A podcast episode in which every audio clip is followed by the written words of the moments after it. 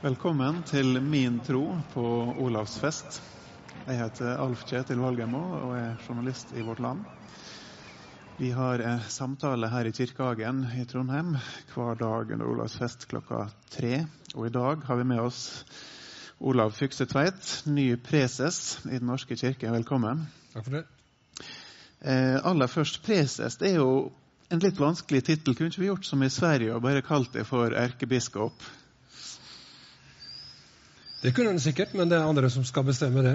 Jeg, jeg lever bra med dette, men eh, når jeg sammenligner hva jeg gjør med det erkebiskopen i Sverige gjør, så er det jo i praksis nokså likt. Du slår meg iallfall ikke som en uh, utprega kirkepamp, egentlig. Selv om du faktisk da ble generalsekretær i, i Mellomkirkelig råd for Norske kirke som 41-åring, tror jeg. Og deretter ja, la oss forenkle litt og si sjef for en, over en halv milliard kristne i Kirkenes verdensråd som 48-åring. Nå som preses, eller eh, ledende biskop, som det også heter, skal du både lede og tjene. Hvor viktig er det å ta inn over seg tjenerrollen i en sånn posisjon som du har fått nå? Det er jo det vi er. Så, og hvis ikke det er det, så kan du ikke være i Jesu rolle. Men det er jo den daglige utfordring å spørre seg sjøl hva det betyr, og hvordan jeg skal forholde meg både til oppgavene og til mennesket og til Gud på en riktig måte. Men det, det er faktisk et ganske fint begrep dette med tjener. Det er ikke noe, er ikke noe sånn nedverdigende. Det er, det er, fint å få være med og tjene Gud og mennesket. Mm. Eh, du ble vigsla rett her i, Nidarosdomen eh, for noen måneder siden. Kan du fortelle litt om hvordan det var? Det, var en, det er jo fortsatt en spesiell tid. Eh, hvordan var det selve vigslinga? Jeg opplevde det som en veldig sterk og fin oppleving, og, og veldig reell. Altså, der fikk jeg virkelig vite hva slags tjenesteoppgave jeg ble bedt om å ta på meg. Og jeg fikk bekrefta at Kjørsa vil at jeg skal ta den på meg. Og jeg måtte svare på om jeg vil, om jeg vil gjøre det slik som, slik som Kjørsa ber meg om. Så Sånn sett ble det en veldig alvorlig og samtidig veldig gledefull øyeblikk der jeg følte at ja, Kjørsa har bruk for meg, og jeg er kommet til en plass i livet der jeg skal si ja til dette.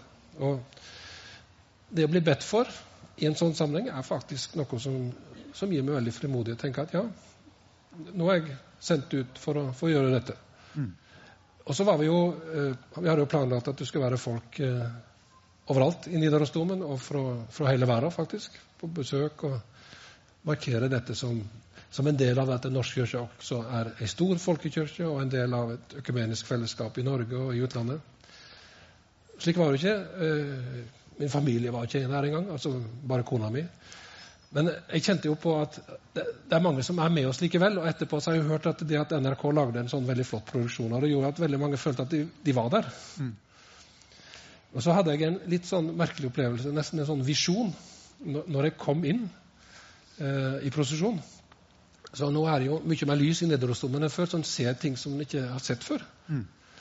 Og så ble det plutselig eh, obs på et, en stor Kristusfigur over over koret, som ikke egentlig har tenkt over at er der før. Og så tenkte jeg på det som Jesus sier, at han ber om at vi alle skal være ett. Og tenkte jeg, ja, hvis, hvis, det er sånn da, at vi er ett i Kristus, så, så er de her de andre også. Hvis Kristus er her. Og det ble for meg en sånn god tanke. Ja, mm. vi er ikke alene her, selv om vi er bare 50. Mm. Hva, hva gikk gjennom uh, hodet ditt akkurat idet du får um, håndspåleggelsen? Jeg tenker at det er uh, Jeg tenkte at sånn Ja, Gud, uh, du har jo kalt meg til dette. Og nå, nå, nå, gir du veldig klar beskjed om at det er det, det, er det kurset vil. Så jeg, det var godt. Det var en fin opplevelse å kjenne at det er, det er kirka som ber for meg. Mm. Jeg er ikke aleine i dette. Mm.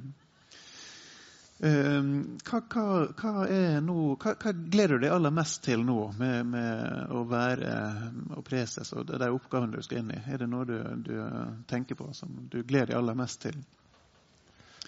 Altså, min erfaring med det beste med å være leder er hvis, hvis, du kan bidra til at andre både får mer lyst til å gjøre det de skal, og får mer mot og, og evne også for så vidt til å gjøre det de skal, og gjøre sammen. Eh, så hvis jeg kan bidra til det at Den norske kirka blir et godt samhandlingsfellesskap der vi er både glad for de oppgavene vi har fått, og glad for det vi kan få gjort sammen, det, det, det vil være veldig stort, hvis jeg kan si det etter ti år at det har jeg fått bidra til. Mm. Eh, og så gleder jeg meg til det å få samarbeide med mange som, veldig flotte folk som har veldig mye forsøk og veldig mye å bidra med både i Den norske kirke og i andre kirker og i andre sammenhenger i norske samfunn ellers. Altså det er jo en rolle der du får kontakt med mange og, og blir tatt, på, tatt veldig seriøst av mange. sant? Altså De spør hva har du å bidra med, og jeg kan være med å, prøve å bekrefte hva andre har å bidra med. Mm. Men det, det, er en god følelse når man føler at det er et samspill på den måten. Ja. Hva kjennes som den største utfordringa? Det ene er jo at vi, vi er en veldig stor kirke med veldig mange medlemmer. Det, kreves mye for at dette skal fungere godt. og også nå i en tid der vi må, vi må, reorganisere dette. Vi har jo skilt også fra staten, og vi skal utnytte ressursene på en veldig god måte. Eller best mulig måte, i hvert fall. Men det andre er mer sånn ja, Kan vi virkelig være en kirke for folk slik at dette, dette blir noe godt? Et godt budskap for mennesker i Norge i dag. Et godt fellesskap for mennesker i Norge i dag enten de er medlem av kirka eller ikke. Mm. Eh, som preses er du også biskop med, med Nidaros som tilsynsområde. Og Du er ikke bare kommet hjem til Norge etter mange år i Genéve, men du har på sett og vis også kommet hjem til Trøndelag. Mm. Eh, for du bodde jo ikke så mange mil herfra, i Åfjord, vel? Mm. Deler av oppveksten. Hva husker du fra, fra den tida? Ja, veldig mye. Altså, den tida fra 8 til 14 er jo veldig 8 14 for, formende år i et menneskes liv, og mange ting du opplever for første gang. og mm. dette, fra, fra, Å være gutt, men også da å komme inn i, inn i tenåra og alt dette her, og begynne å oppdage verden.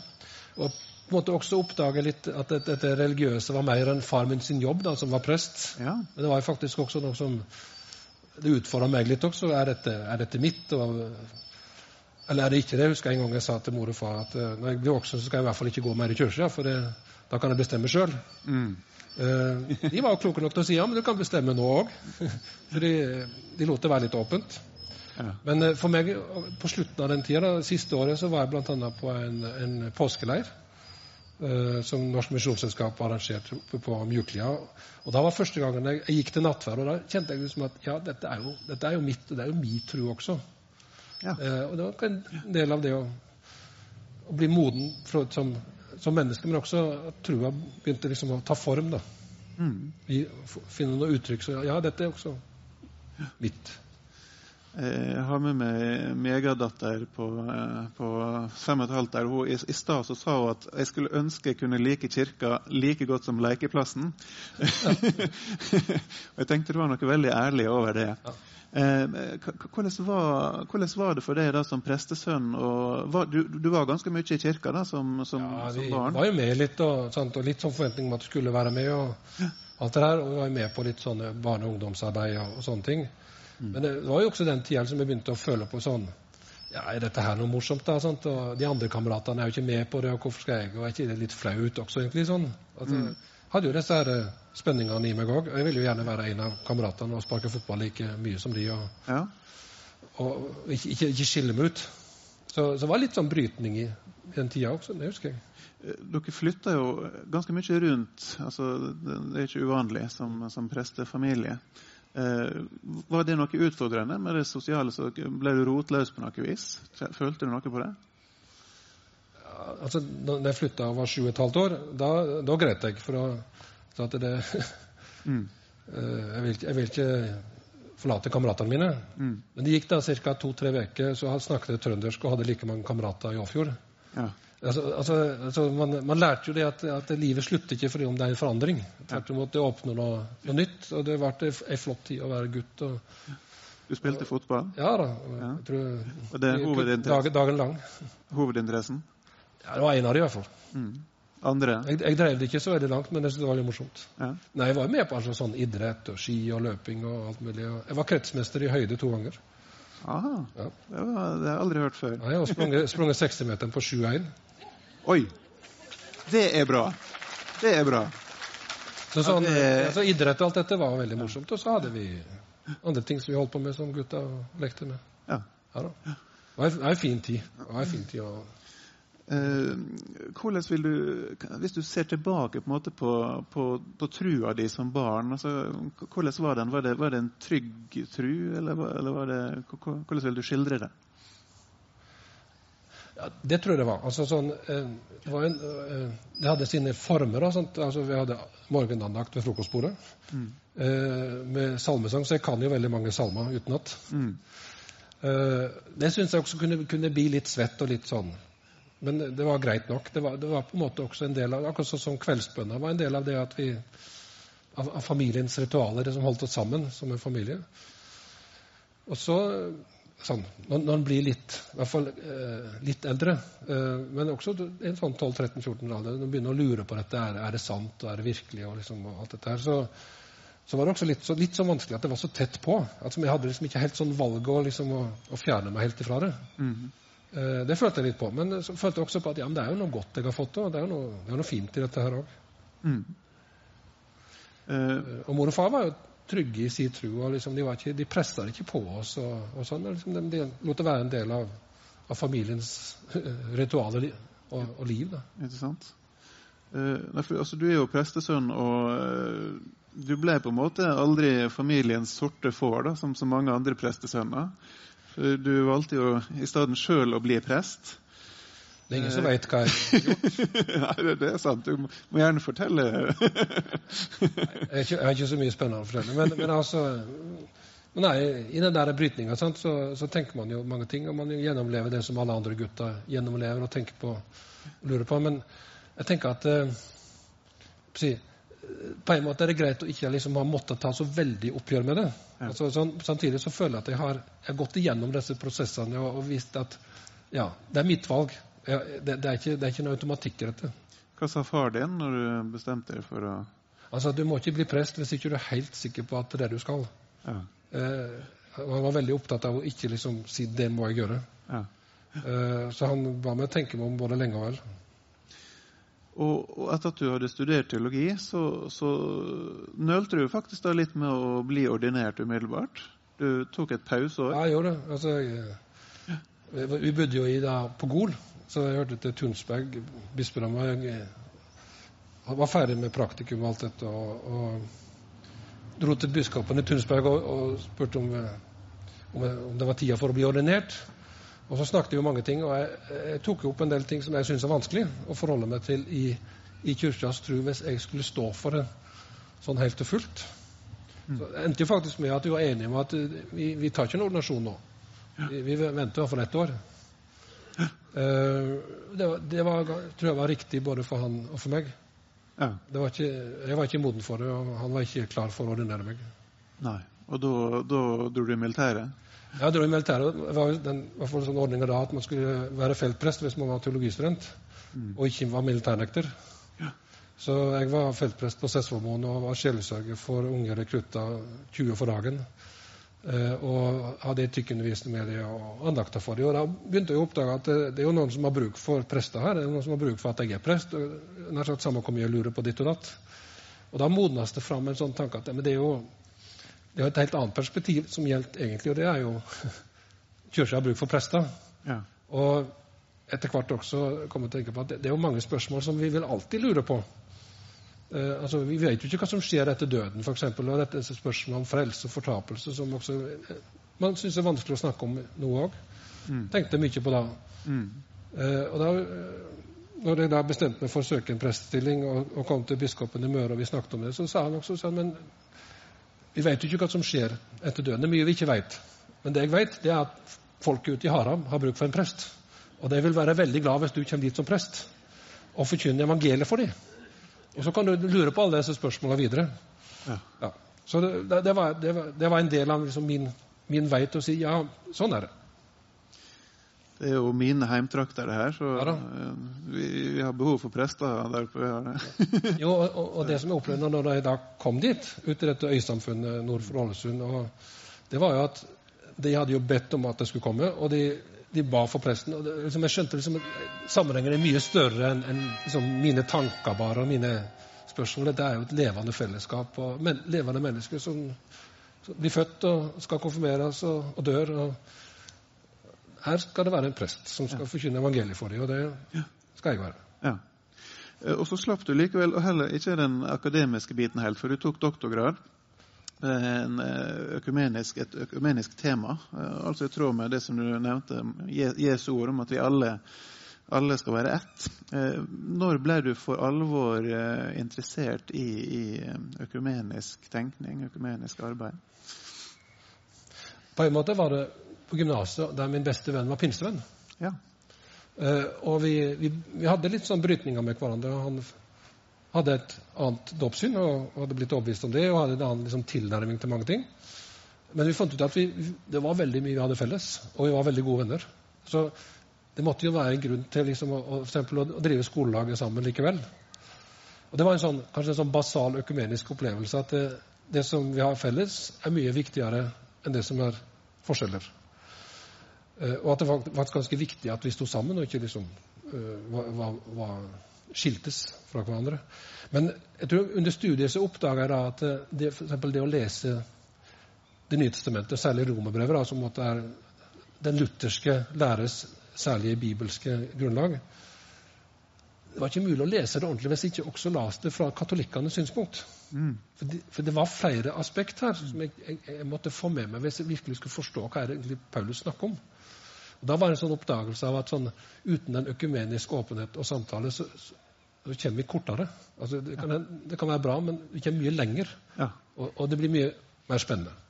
Ikke sant? Større forståelse og Ja. mer interessant, rett og slett. Ja. Og kanskje komme nærmere sannheten. Vel verdt en applaus. Eh, og og, og du, det ble jo på en måte til eller ikke bare til en viss grad, men økumenikk ble jo eh, og har blitt en ganske stor del av ditt, ditt yrkesliv. Eh, både i mellomkirkelig råd og etter hvert i, i, i Kirkenes verdensråd. Eh, jeg har lyst til å spørre hva har det gjort med din egen tru eh, å være i kontakt med så mange ulike kristne over hele verden som du, som du har vært? Det enkle og korte svaret på det er jo at det har styrka min tro. Mm. Både sånn det at jeg, jeg kan identifisere meg enda mer med den kristne trua som noe som er frigjørende, som gir mennesket håp, som gir mennesket frimodighet til å leve under mye vanskeligere vilkår enn jeg kan tenke meg. Uh, og liksom da si at det du tror på, ikke betyr noe. altså Det blir liksom helt meningsløst. Uh, samtidig så oppdager jeg at det, i forskjellige kirkesamfunn og tradisjoner så er det jo, det er en større rikdom. altså Jeg har sett at trua mi har, har, har mye mer i seg. Og, og også dette, de oppfatt, altså Det er to dimensjoner vet du, hvis du sier 'mi tru'. Altså Det ene er det at jeg tror og er overbevist om noe, men det er også et innhold i dette. Og Dette innholdet blir på en måte større, da. I hvert fall har det blitt det for meg. Eh, I disse økumeniske sammenhengene våre. og det oppdaga at man kan be forskjellig, man kan be i forskjellige tradisjoner og bringe mer inn. Og man kan også bringe f.eks. møte med, med amerikansk, afrikanske kristendom. Sant? Så der, der, vi kjenner jo den det som, en, som en kultur og som sanghammer også som, som en kraft til, til forandring. Mm. Eh, som gjorde at sånn Ja, dette, dette er jo dette er en stor rikdom. Altså, dette, må vi, dette må vi bruke. Altså, vi må ikke bare liksom si at dette er interessant, men vi må jo gjøre oss bruk av det. Altså, det må være et samspill mellom innholdet og det at jeg responderer på det og måtte ta det i bruk. Og det, Den sammenhengen har blitt større. Mm. Ja, veldig fint. Eh, Du har jo truffet både veldig mange rundt på, på grasrotplan, og du har truffet ledere av ulike kirker. Du har vel endatil samtalt med paven, stemmer ikke det? Jo, eh, flere, flere ganger. Hva, hva sa paven til det? Ja, Vi har snakket om mange ting. Eh, Vi har snakket om, med flere paver, men pave Frans er jo den som jeg har hatt mest med å gjøre. Mm. Eh, Han var jo også veldig opptatt av at vi, vi kan ikke vente til alle teologene har løst alle problemer før vi gjør noe sammen. Nei. Og Det var for så vidt også Kirkenes verdensråds eh, grep. Altså vi, vi må jobbe parallelt med det å arbeide med trosspørsmål og teologiske spørsmål, men vi må også jobbe med hva er det vi skal få gjort sammen i denne verden for å gjøre troa til noe som blir omsatt i praksis. Og han er jo veldig opptatt av det. Og, og, og hvordan skal vi tale de fattige sak? Hvordan skal vi tale eh, miljø sin sak? Hvordan skal vi tale det kristne fellesskap og de lidende sak? Der fant vi ut at hans agenda og Kirkenes verdensråds agenda var jo veldig lik. Jeg tror han hadde liksom hatt så tett kontakt mellom Kirkenes verdensråd og Vatikanet. Mm. Og han var jo også opptatt av at de skulle følge med på hva vi gjorde. Så det var, det var en veldig aktiv dynamikk da, i, i de siste åra jeg var i KV, mellom, mellom katolsk kirkens ledelse, og ikke bare han, da, men Ja. flere der, og oss. Prøvde, prøvde du å, å få til fullt nattverdsfellesskap mellom eh, Altså, Vi snakket jo om det i hvert fall et par ganger. Ja. At, og han, Pave Frans var jo også opptatt av at eh, for, eh, altså, han, er, jo en veldig sånn pastoral pave. altså Han har vært veldig tett på vanlige folk. så at Selv i disse familiene der det er noen, den ene er katolikk og den andre er protestant, så prøvde han også eksempel, i forhold til debattene i Tyskland å finne ja, hvor en er det åpning for å gjøre noe mer. mm. Tror han, han også kunne tenkt seg å gjort mer, men altså, han er jo katolikk, og han skal passe på at denne kirka henger sammen også. Mm. Så han arbeider innenfor de rammene. Men på den annen side så var det en veldig sånn anerkjennelse av at vi er også sanne kirker, og vi, vi har noe felles som, som er sterkere enn det som skiller oss. Mm. Snakke om økumenikk, så kan vi ta et ørlite steg videre også. Snakke om religionsdialog. Hvordan, hvordan er tilnærminga di til andre religioner, andre, andre truende? Du har jobba mye med, med dialog med islam, blant annet. Jeg prøver i hvert fall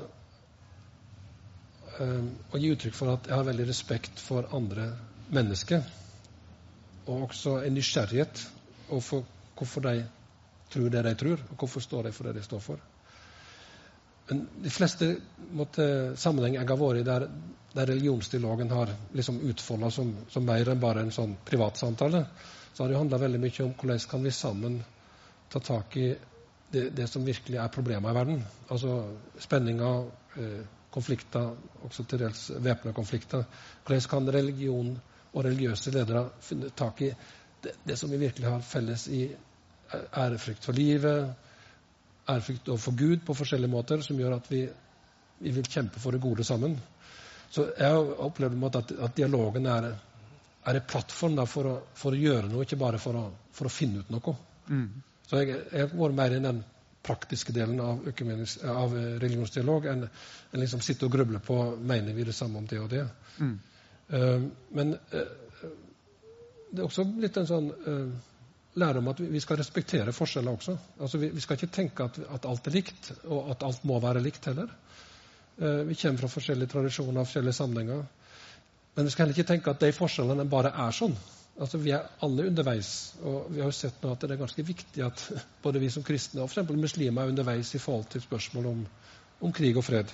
Og finne nye veier å leve sammen på i fred. Mm.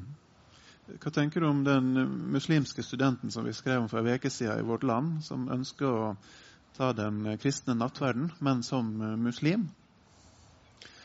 Altså, Jeg kan ikke lese det han sjøl skrev, men jeg leste det som du skrev, da, og, og den historien. Altså, det, det er en veldig fin historie om et menneske som, som er på, på søken, og som søker etter det, etter det beste hos andre. Og har funnet ut veldig mye flott i, i den kristne tro og kristen tradisjon. Og også det kristne ritualet i nattverden.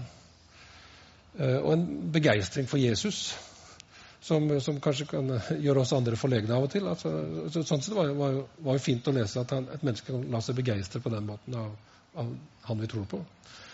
Og så tenker jeg at sånn, det, er ikke, det er ikke uviktig å, å respektere forskjeller. Eh, nattverden er jo et, et, et fellesskap som er gitt i Kristus og i vår forståelse av, av Kristus som, som Guds sønn, som gir seg sjøl for oss. Eh, og vi kan ikke si at det ikke er det, bare for å være sjenerøse. Men i praksis altså Jeg håper ikke at ingen prester begynner liksom å jage folk bort fra nattverden hvis de kommer. Altså det, det, det er ikke på det planet. Mm. Men jeg tror ikke det, vi er der at vi skal si nå må alle, alle muslimer også komme til nattverd. Altså, jeg, tror ikke, jeg tror ikke det egentlig hjelper de heller.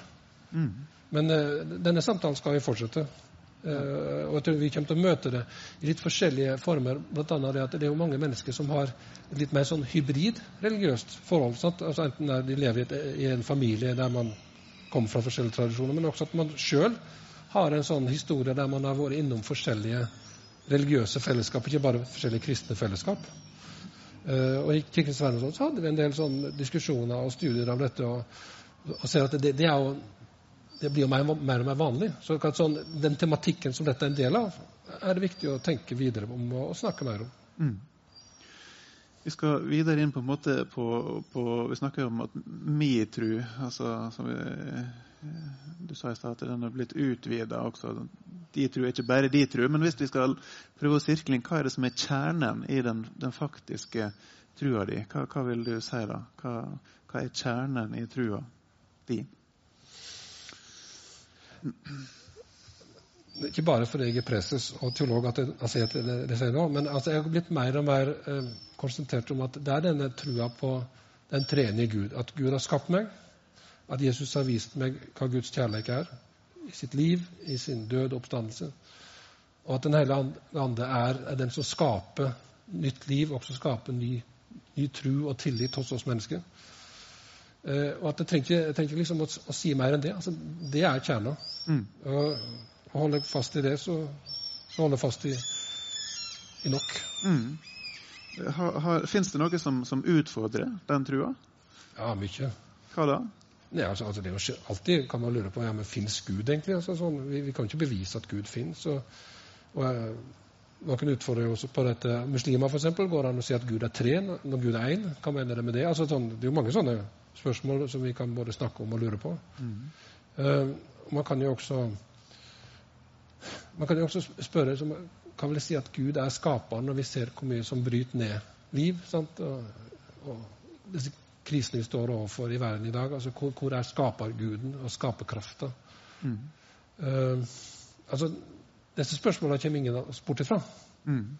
Men for meg er det blitt på en måte også enda sterkere å tro ja, men det er faktisk, som, som vi hørte i, i evangeliet til Olsok, at det er et frø som har kraft i seg til å, til å spire og gi nytt liv.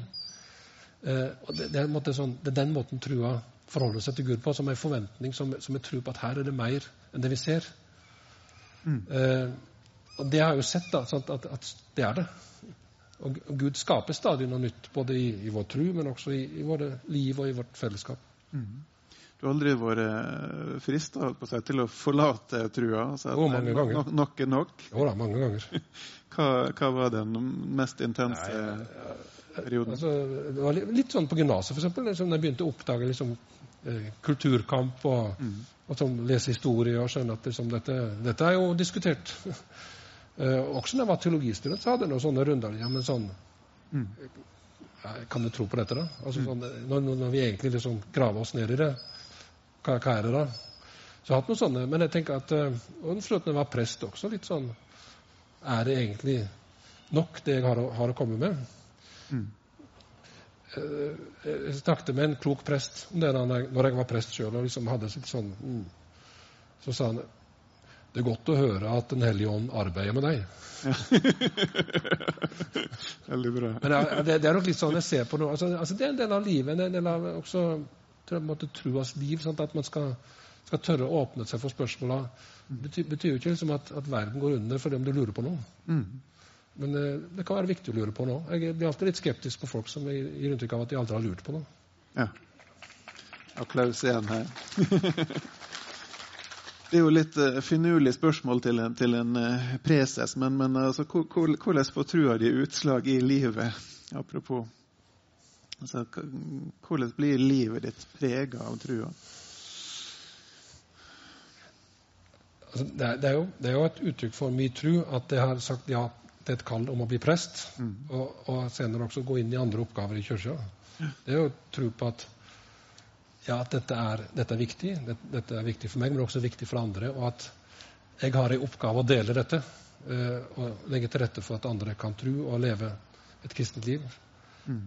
Ehm, det, det, er jo den daglige utfoldelsen av det. Noen, noen måtte, er privilegert å få arbeid i kirka. Så tenker jeg at eh, det gir seg uttrykk i, i, hvordan jeg prøver å se på andre mennesker som Guds skapning, som, som er like stor verd som meg. Uh, ikke minst de som da opplever at de ikke blir verdsatt, eller blir nedvurdert av andre. Mm. Uh, så gir seg utslag i både hva jeg, hva jeg, tenker og jeg tror og jeg ber. Uh, og en, ofte en del sånn følelser. Jeg kan, jeg kan bli veldig sånn rørt av å synge en del salmer som så, kanskje fordi de minner meg om barndommen, Mm. men også sånn for at de rører ved noen sånne strenger hos meg som går på noen så dype sånne følelsesmessige lag om ja, det, som dette, dette er noe som virkelig betyr noe i livet.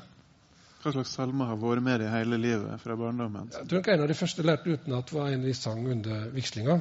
Eh, 'Med Jesus ville fara Ja. på livsens ferd i lag'. Eh, den, den rører meg veldig sånne Mm. dype strenger meg. Det, at, altså, du til de grein meg sette i min første vår. Også dette sånn, Det var noe som hjalp meg inn i dette. Mm. Eh, og det gjør det ikke mindre verdt. Tvert imot. Eh, og med livsens dog, med vette alt, eh, sant? Altså, Denne dåpen som, som en gave. Og da tenker jeg sånn Ja, jeg har vært utrolig heldig som har fått måtte, tilgang til dette. Og at jeg har funnet min vei i det. Og så er det noen sånne salmer som setter ord på det, da, og kanskje melodier også som, som kan røre, røre ved spesielle følelser. Mm. Og det tenker jeg, ja, det er fint. Mm. Det, det trenger ikke være sånn for alle, men så, sånn er det for meg. Hva, hvordan ber du når, du når du ber? Er det lov å spørre om det? Ja, jeg tror, eh, Det ene er at jeg prøver å be sånn som Jesus har lært oss å be, nemlig Fader vår. Mm. Jeg tror at den bønna inneholder på en måte alt vi skal be om. Så jeg prøver å be den i hvert fall minst én gang for dagen. Mm. Eh, og så har jeg måttet oppdage at jeg, jeg syns det både er lettere og enda rikere å be sammen med andre. At ikke det bare er jeg og Jesus alene. Mm. Men eh, jeg ber når jeg går tur, eller eh, når jeg sitter eh, og er for meg sjøl.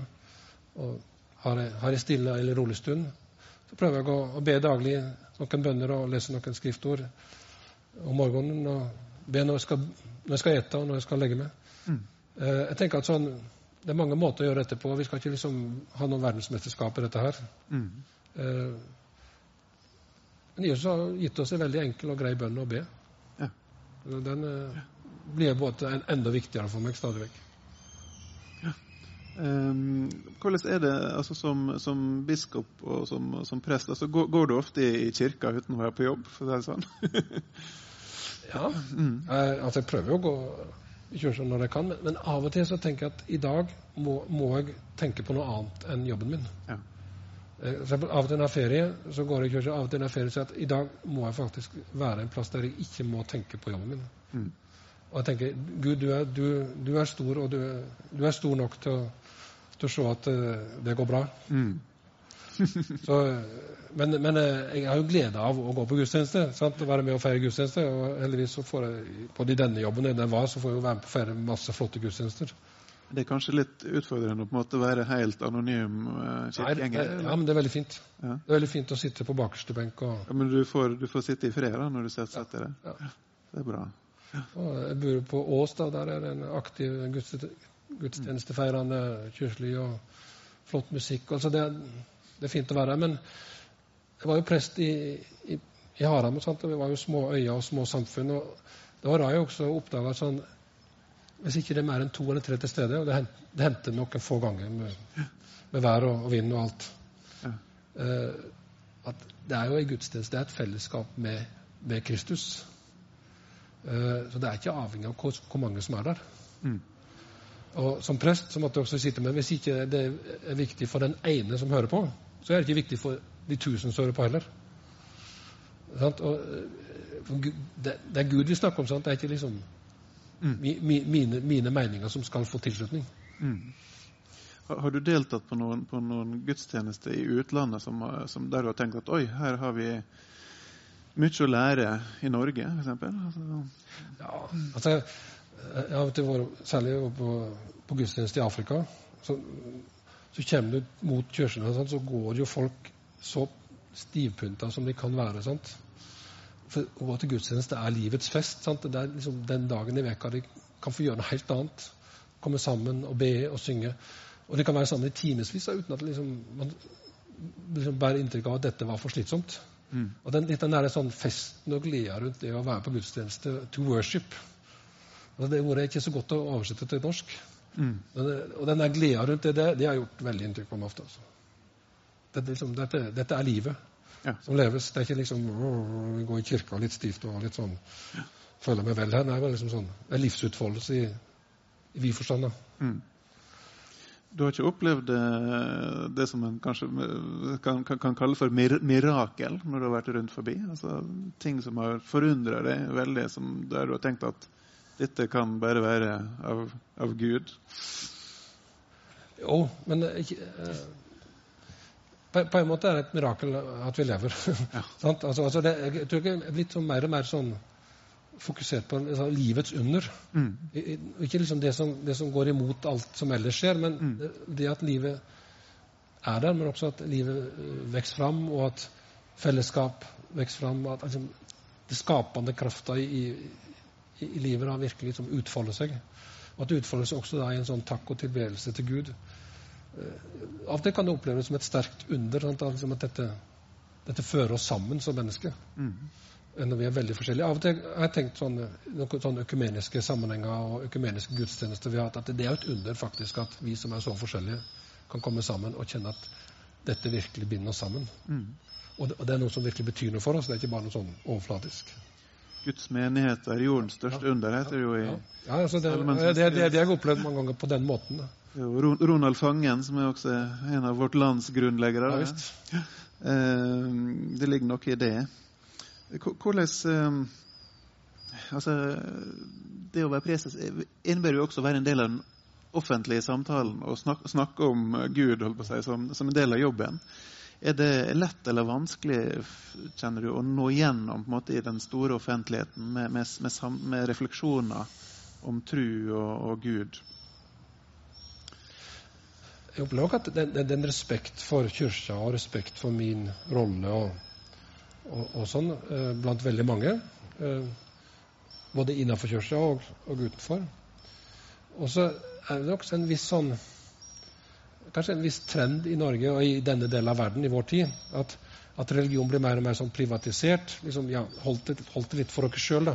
Altså dette, dette er ikke det vi egentlig skal snakke om sammen. Men det er greit at de gjør det.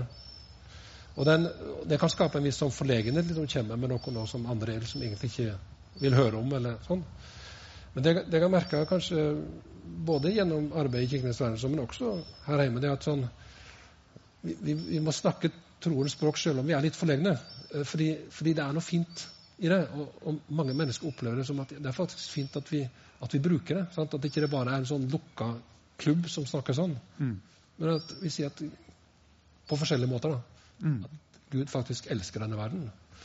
En av de sterkeste opplevelsene hadde jeg det var da eh, jeg hadde sluttinnlegget på første del av Paris-klimatoppmøtet og skulle tale på vegne av alle trossamfunn i verden ja.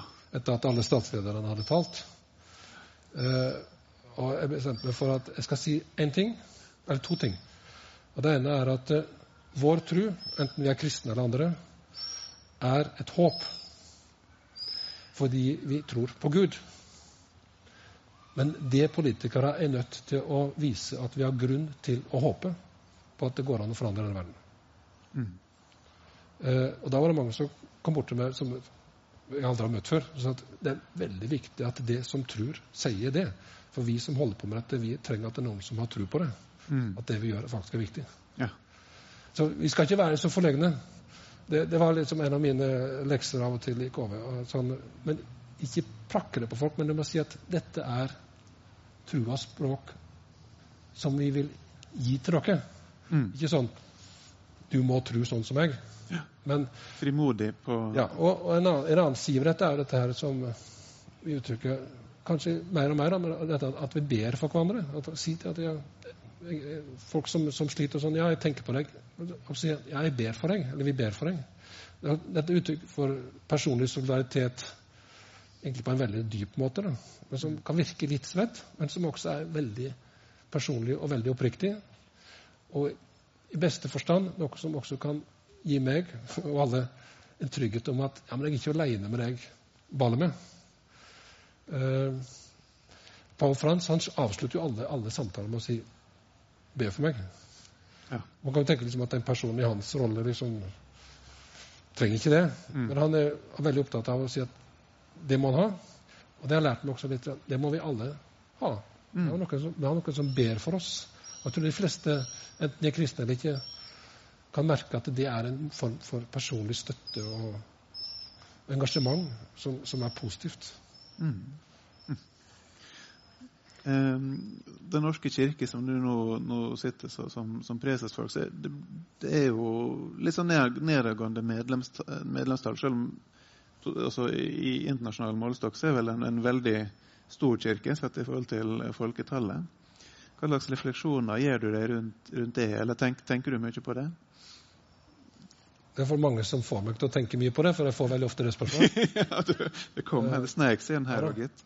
Nei, men altså, det, det, er jo den realiteten vi er i. Altså, eh, det, det, er jo en dobbeltrealitet. Altså, vi er 3,7 millioner medlemmer i Norskirka. og det, sånn, Tallet er omtrent det samme, men prosentvis så blir det mindre i forhold til antall innbyggere i Norge. Av grunner som vi, som vi vet. Det er jo mange andre religiøse fellesskap også. Og en del som melder seg ut av alle religiøse fellesskap, og ikke minst av Norsk kirke. Men tenk, det, det, er jo ikke uten grunn at disse 3,7 millionene medlemmer fortsetter med å være medlemmer. Mm. De, de, kan jo melde seg ut akkurat nå, ja. alle sammen. Uh, så det må jo være noe i dette som, som betyr noe likevel for dem. Enten de er aktive eller mindre aktive i forhold til det. Uh, så sånn sett så Det måtte ikke bli sånn for fokusert på tall. Mm. Jeg tror det gjelder å være fokusert på at men det er jo det innholdet i det vi holder på med, må bety noe, og det må bety noe for mennesker som er i ulike livssituasjoner. Og jeg tror faktisk at det gjør det. Altså, altså, jeg, er, egentlig veldig stolt over Den norske kirke og tenker på hva som foregår lokalt. Altså, mm. Det står ikke i avisene, selv ikke i vårt land, sant, om hva en prest betyr i, i grafer for, for, mennesker som, som, sørger, eller hva en diakon betyr for, for ungdommer som, som, ikke helt vet hvordan de skal snakke verken med foreldre eller andre. Altså, det, er, det er veldig mye som skjer der troas dimensjon er en del av det hele. Kirkas eh, arbeid betyr noe for mennesket. Eh, så jeg tenker at sånn vi må, vi må, gjøre det vi er satt til, gjøre det så godt vi kan. Og så får vi, får vi telle og følge med om, om vi gjør det, godt nok. F.eks. har vi sett at hvis vi er litt mer observante på hvordan vi møter unge mennesker som, som får barn, og mm. tenker på om de skal døpe dem, mm. f.eks. legg til rette for at det, det, kan du gjøre på nettet klokka to om natta når du har sluttført diskusjonen, og ikke på tirsdag mellom ni og ti, eh, hvis kirkekontoret er åpent da. Mm. Altså, altså vi, må, vi, må, legge til rette for at liksom, ting ikke er så vanskelig. Uh, altså, man kan gjøre ting bedre. Mm. Og det, det, tror jeg vi gjør også. Gjør døren høy og porten vid, ja. og terskelen ja, lav. Ikke, ikke, ikke, gjør det, ikke, gjør det, vanskelig. Ikke gjør det så vanskelig. Mm. Eh, som kristen leder, eh, både før og nå, har, har, du noen gang kjent på et press om å skulle tru rett? Ja. Ja, det. hva, kan du fortelle litt om det? Nei, men altså sånn det var forskjellige bevegelser som for var i kontakt med ungdommen. Sant? og Noen var jo veldig karismatiske den tida jeg var ung. Så jeg synes det, det ble litt vanskelig, for å si det sånn. Jeg skal, ikke, jeg skal ikke, gå inn så veldig inn på Men altså, det, var, det var en dynamikk i enkelte miljøer som var sånn. Sånn må det være. Uh, og jeg opplevde at sånn, sånn, sånn, tror ikke jeg, og sånn er ikke jeg. Mm. Uh, og sånn sett så har jeg hatt noen sånne opplevelser at jeg følte meg litt sånn utafor. Og jeg tenker at det er, en, det er, en, viktig opplevelse for en prest. Mm. Liksom, hvordan føles det å være litt utafor? Ja. Ja. Uh, at liksom ikke du er helt liksom, i det in, indre, gode selskap. Uh, for det er jo ikke mange som kan føle på det. Da, hvis en har følt på det sjøl, så veit en litt mer hva det er. Uh, for meg har det vært kanskje litt mer sånn Disse periodene jeg tvilte og syntes ting var litt sånn vanskelig. som er jeg en del av dette her eller ikke? Men den der følelsen der, skal en liksom føle litt på av og til. Det syns jeg var en, en, veldig fin ting å, å avslutte med. Eh, våre tre kvarter har gått forbløffende fort nok en gang. Tusen takk, eh, Olaf Fikstvedt, for at du var med oss i min trossamtale her i Trondheim. Takk skal du ha.